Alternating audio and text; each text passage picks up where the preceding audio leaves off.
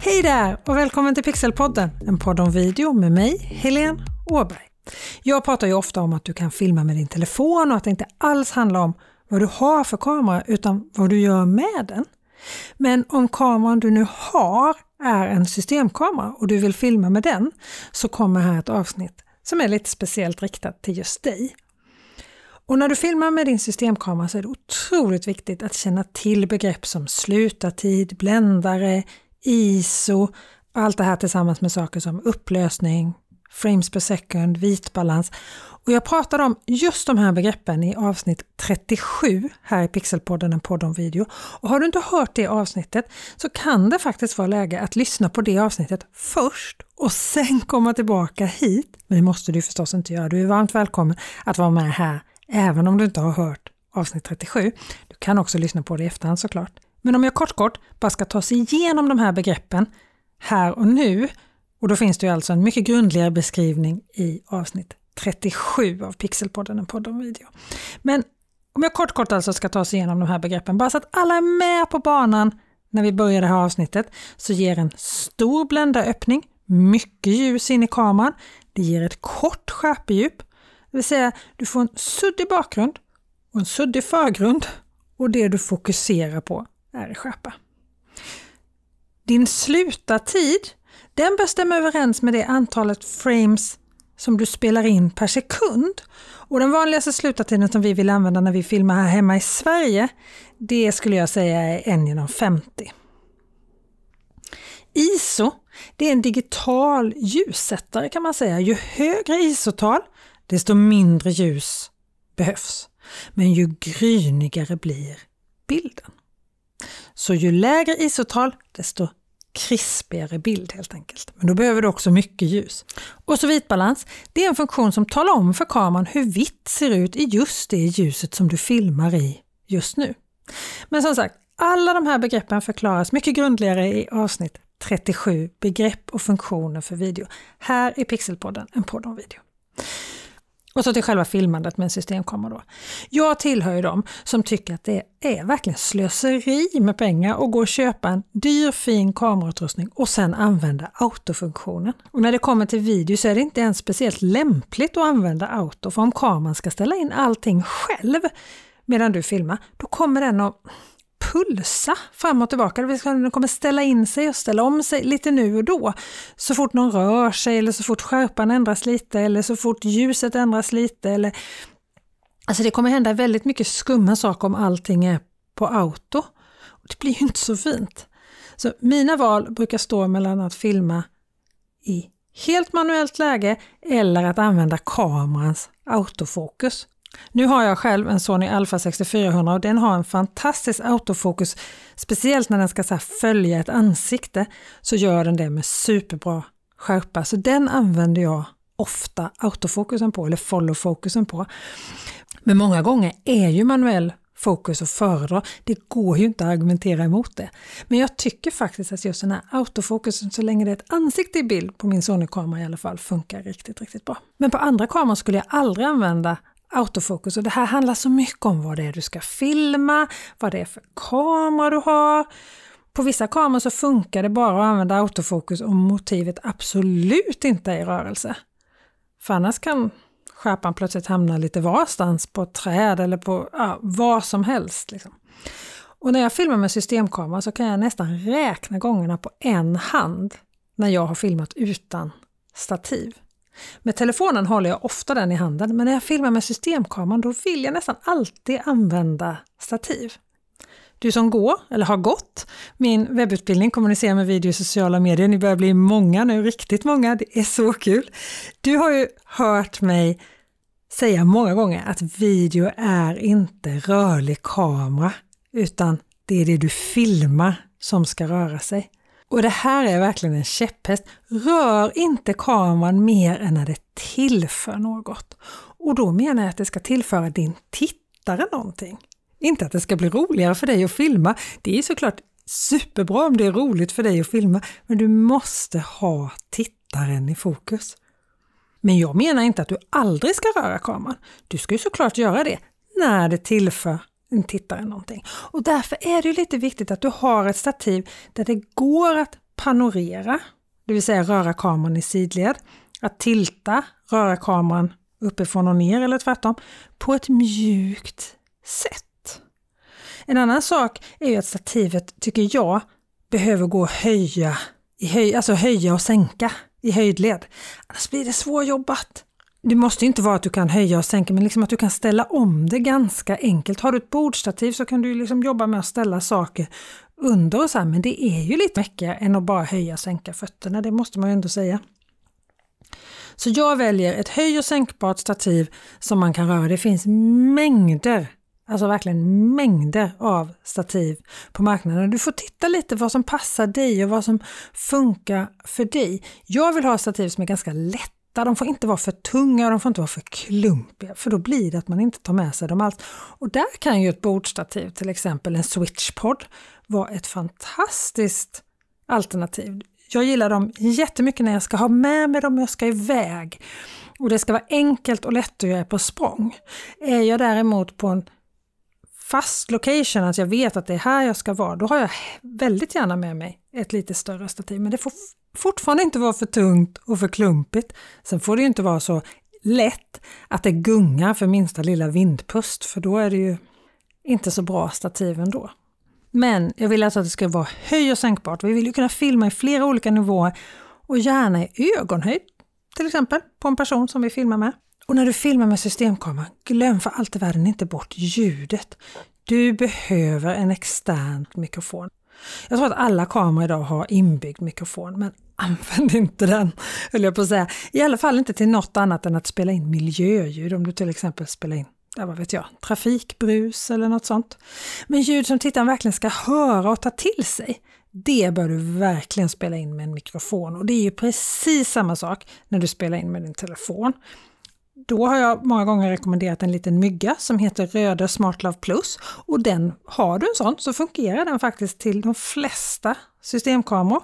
I alla fall så fungerar den om du har en liten adapter som gör om den här minitelekontakten, alltså kontakten som du stoppar in i kameran. Den ska göra om den från TRRS till TRS. Jag vet att det är många begrepp att komma ihåg, men TRRS till TRS. Och du kan ju också köpa en mikrofon som du kan sätta i själva blixtskon uppe på din systemkamera.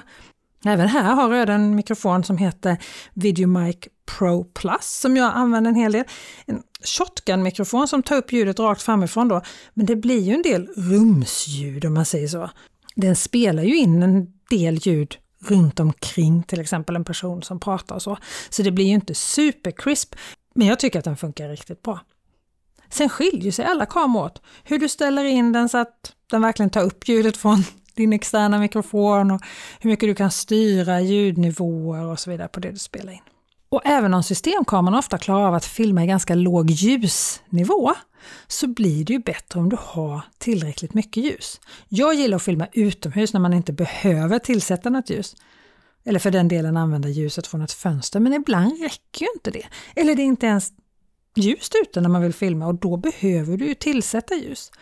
Många gånger kan du styra vitbalansen och ljusstyrkan så mycket i kameran när du filmar med en systemkamera att du kan klara dig med vanliga lampor inomhus. Men vill du få det riktigt snyggt, då behöver du två, tre lampor så att du kan göra en snygg ljussättning med ett huvudljus, det vill säga den starkaste lampan lite snett framifrån, ett lättningsljus på andra sidan framifrån då, som är lite svagare än huvudljuset och som lyfter upp skuggorna som gör att det blir lite ljust där skuggorna hamnar från det andra ljuset så att kontrasterna lite jämnas ut. Jag såg någonstans, som jag just nu inte kommer ihåg vad det var någonstans, men det var någon som ville lära ut video och sa att den här lampan, den här lättningslampan, den använder man för att få glitter i håret. Den förklaringen hade inte jag hört innan, men tro mig, den här lampan har mer med skuggor och mörka partier i ansiktet och lyfta upp dem än att du ska få glitter i håret.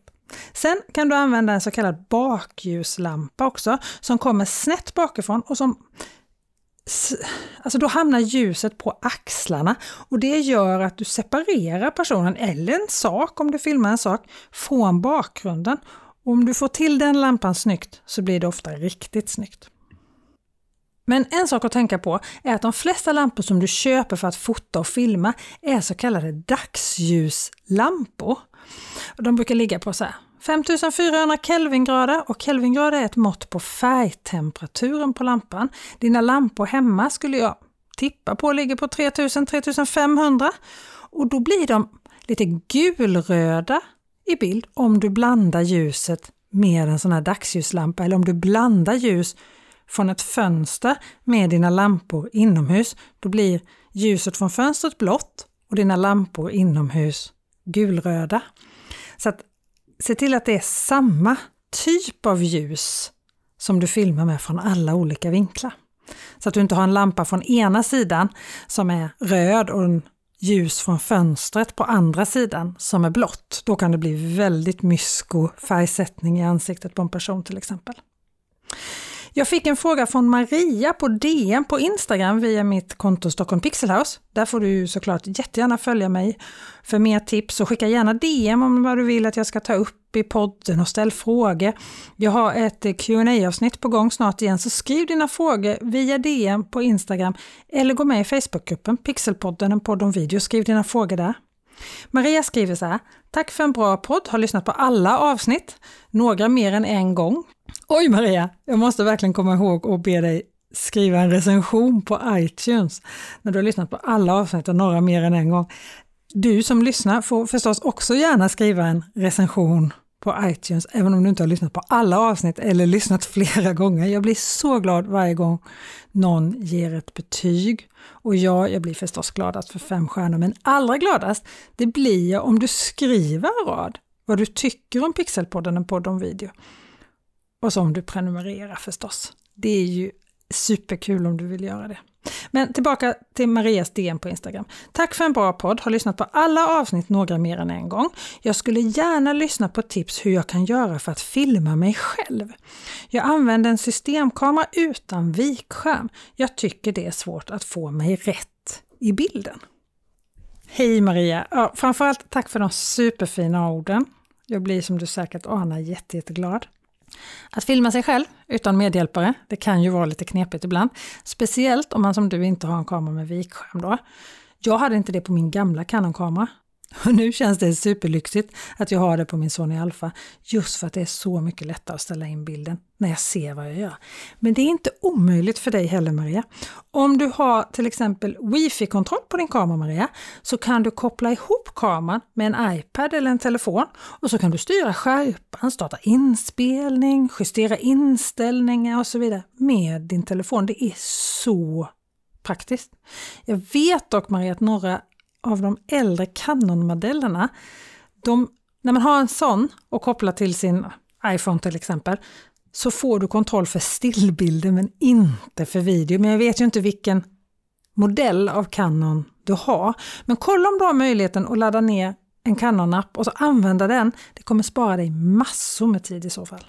Och även om din kamera inte har wifi så kanske du har en USB-koppling på din kamera. För då kan du med en USB-sladd och sen en specialsladd koppla ihop den med din telefon eller din padda och så styr du den på samma sätt då.